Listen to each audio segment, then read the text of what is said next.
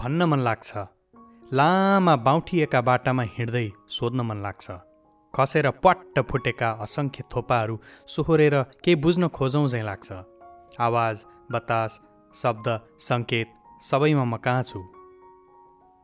यतै कतै यही संसारमा के के के के खोजी बस्ने एउटा उत्सुक मान्छे। म सायद अशोक दुई हात जोडेर नमस्कार गरेँ है सबैलाई।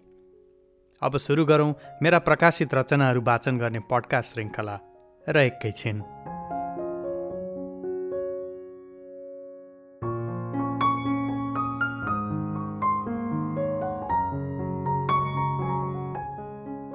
अनि मधुरो गुन्जिरह्यो।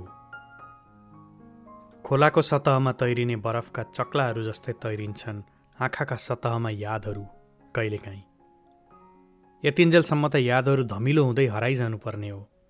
तर एउटा धुन झन् गाढा भएर बजिरहेको छ कतै। बिजाइरहेको छ अनुपस्थिति सम्झाइरहेको छ केही। अँध्यारो कोठामा धुपको बास्ना पेन्ट ब्रस समेटेर बसेको टेबल। त्यस्तैमा कतै लडिएला भन्नु नपर्ने। आवाजले कसरी कसरी डोर्याए जस्तो लड्न नदिए जस्तो। त्यस अघि या पछि कुनै एक बिहान फेरि अनुप सरको गाइडेड मेडिटेसनमा विक्रम सरले हिप्नोटिक एम्बियन्स बनाइदिनु भएको थियो। चौरका शीतहरू छोडेर बिस्तारै प्रकाशका रङ्गीन बिन्दुसम्म पुर्याएको मनलाई। फर्किँदाखेरिको फ्लाइटमा अनुहारभरि घाम खसेको सायद। पैतालाले फेरि शीत छोएर एउटा मौन चिरिदिएको थियो। मलाई अझैसम्म गहिरो बिजेको र त्यसपछि अन्त नसुनेको एउटा धुन साँझ भयो सङ्गिनी घर आऊ। साँझ भयो। साँझ भयो। सङ्गिनी घर आऊ।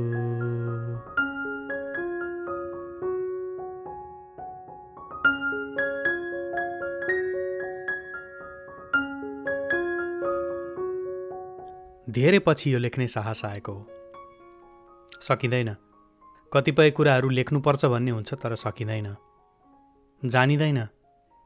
कतिपय कुराहरूलाई प्रस्तुत गर्ने तरिकै जानिँदैन। हुँदैन।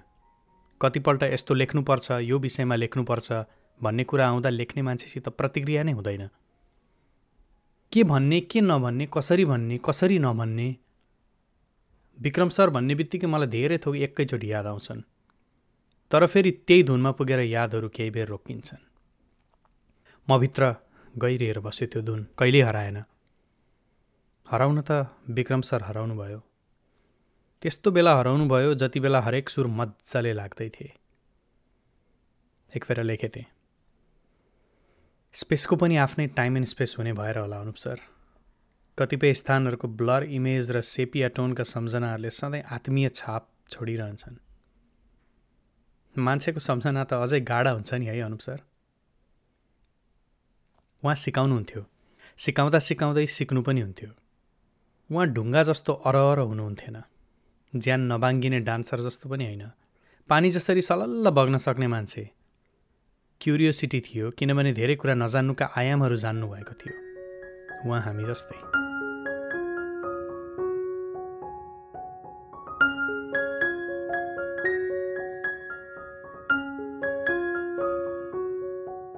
थिएटरमा दीक्षित भइसकेर गुरु भएर ज्ञान बाँड्न थाल्नु भएको होइन। केही मोडहरू थिए उहाँको क्युरियोसिटी थियो सचेत भएर सही सङ्गत गर्नुपर्छ भन्ने चेतना थियो र बेला आउँदाखेरि गर्छु भन्ने आत्मविश्वासले नै एकपछि अर्को काम गर्दै जानुभएको थियो। अनि सादगी र भद्रताले झन् मान्य हुनुभएको हो। मैले देखेको विक्रम सर खरो समालोचक होइन। उहाँले त्यति साह्रो समालोचनात्मक हेराइले हेरेर केही कुराको व्याख्या गर्नुभएको मैले थाहा पाइनँ। उहाँले ग्रहण गर्नुहुन्थ्यो र त्यो ग्रहण गरेको पर्सपेक्टिभ मलाई मन पर्थ्यो यो राम्रो थियो यस कारणले राम्रो थियो यो नराम्रो थियो यस कारणले नराम्रो थियो। त्यस्तो होइन। बरु हामीलाई लोभ लाग्छ। हामीमा बेला बखत मसिना लालचहरू भरिन्छन्। हामीलाई यस्तो गर्न मनपर्छ है। तर त्यसरी गर्दा पनि हुँदो रहेछ। यस्तो हुन्थ्यो उहाँले हेर्ने तरिका।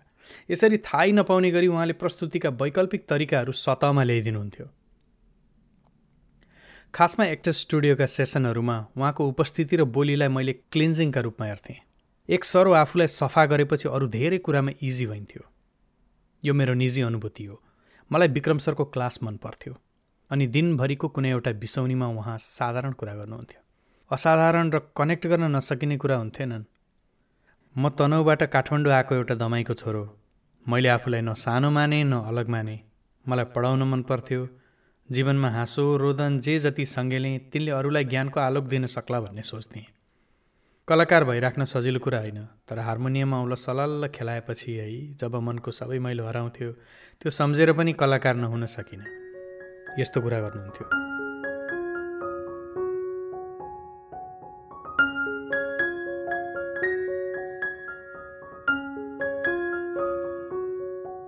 उहाँ बोलिराख्दा पनि हार्मोनियममा औँलाहरू पनि चलाइरहने विद्यार्थीहरूसित सम्वाद पनि गरिरहने अनि मुस्कानले उजिल्याउने अनुहार। He was a blessed artist उहाँले विद्यार्थीसँग त्यस्तो भाइब क्रिएट गरेर सम्वाद गरेको आफैमा एस्थेटिकली रिच पर्फर्मेन्स हुन्थ्यो। फेरि पनि यस्ता कुराहरूलाई एम्फसाइज गरेर शब्द खेलाइरहन सजिलो छैन। सम्झनाका कुराहरू डिस्टोर्टेड हुन सक्छन्। मलाई भ्रम छैन मैले सबै कुरा आधिकारिक रूपमा भनेको छु भन्दिनँ म पक्का गलत हुन सक्छु।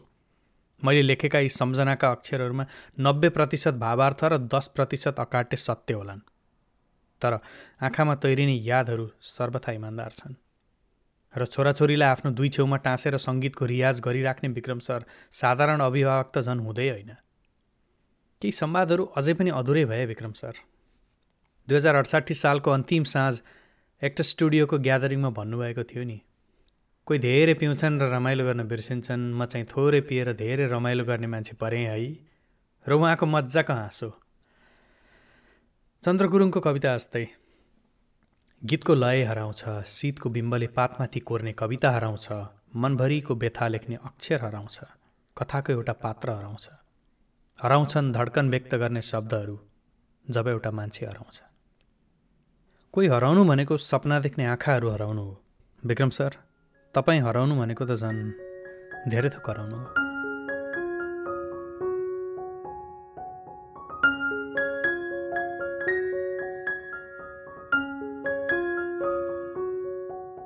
जब म जान्छु अधुरै जान्छु अपुरै जान्छु। पढ्दा पढ्दैको किताब अधुरै हुन्छ। लेख्दा लेख्दैको कविता अधुरै हुन्छ। केही सङ्गीत अधुरै रहन्छन्। केही समीक्षा अधुरै रहन्छन्। यस्तै त होला नि है विक्रम सर। मैले यसै कोरेको थिएँ। आज तपाईँलाई सम्झिँदाखेरि यसले पनि अर्थ भेटे जस्तो माने। रानी चरी स्याक्लुङ्गे मनभरि भन माया। तिम्रै छ मन परी। थिएटरका विद्यार्थीहरूको एन्थम जस्तै भएको थियो यो गीत।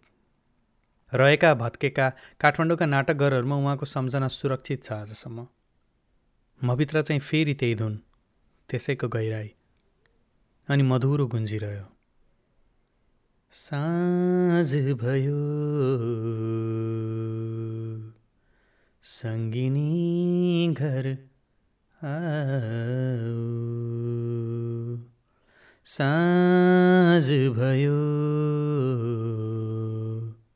सङ्गिनी घर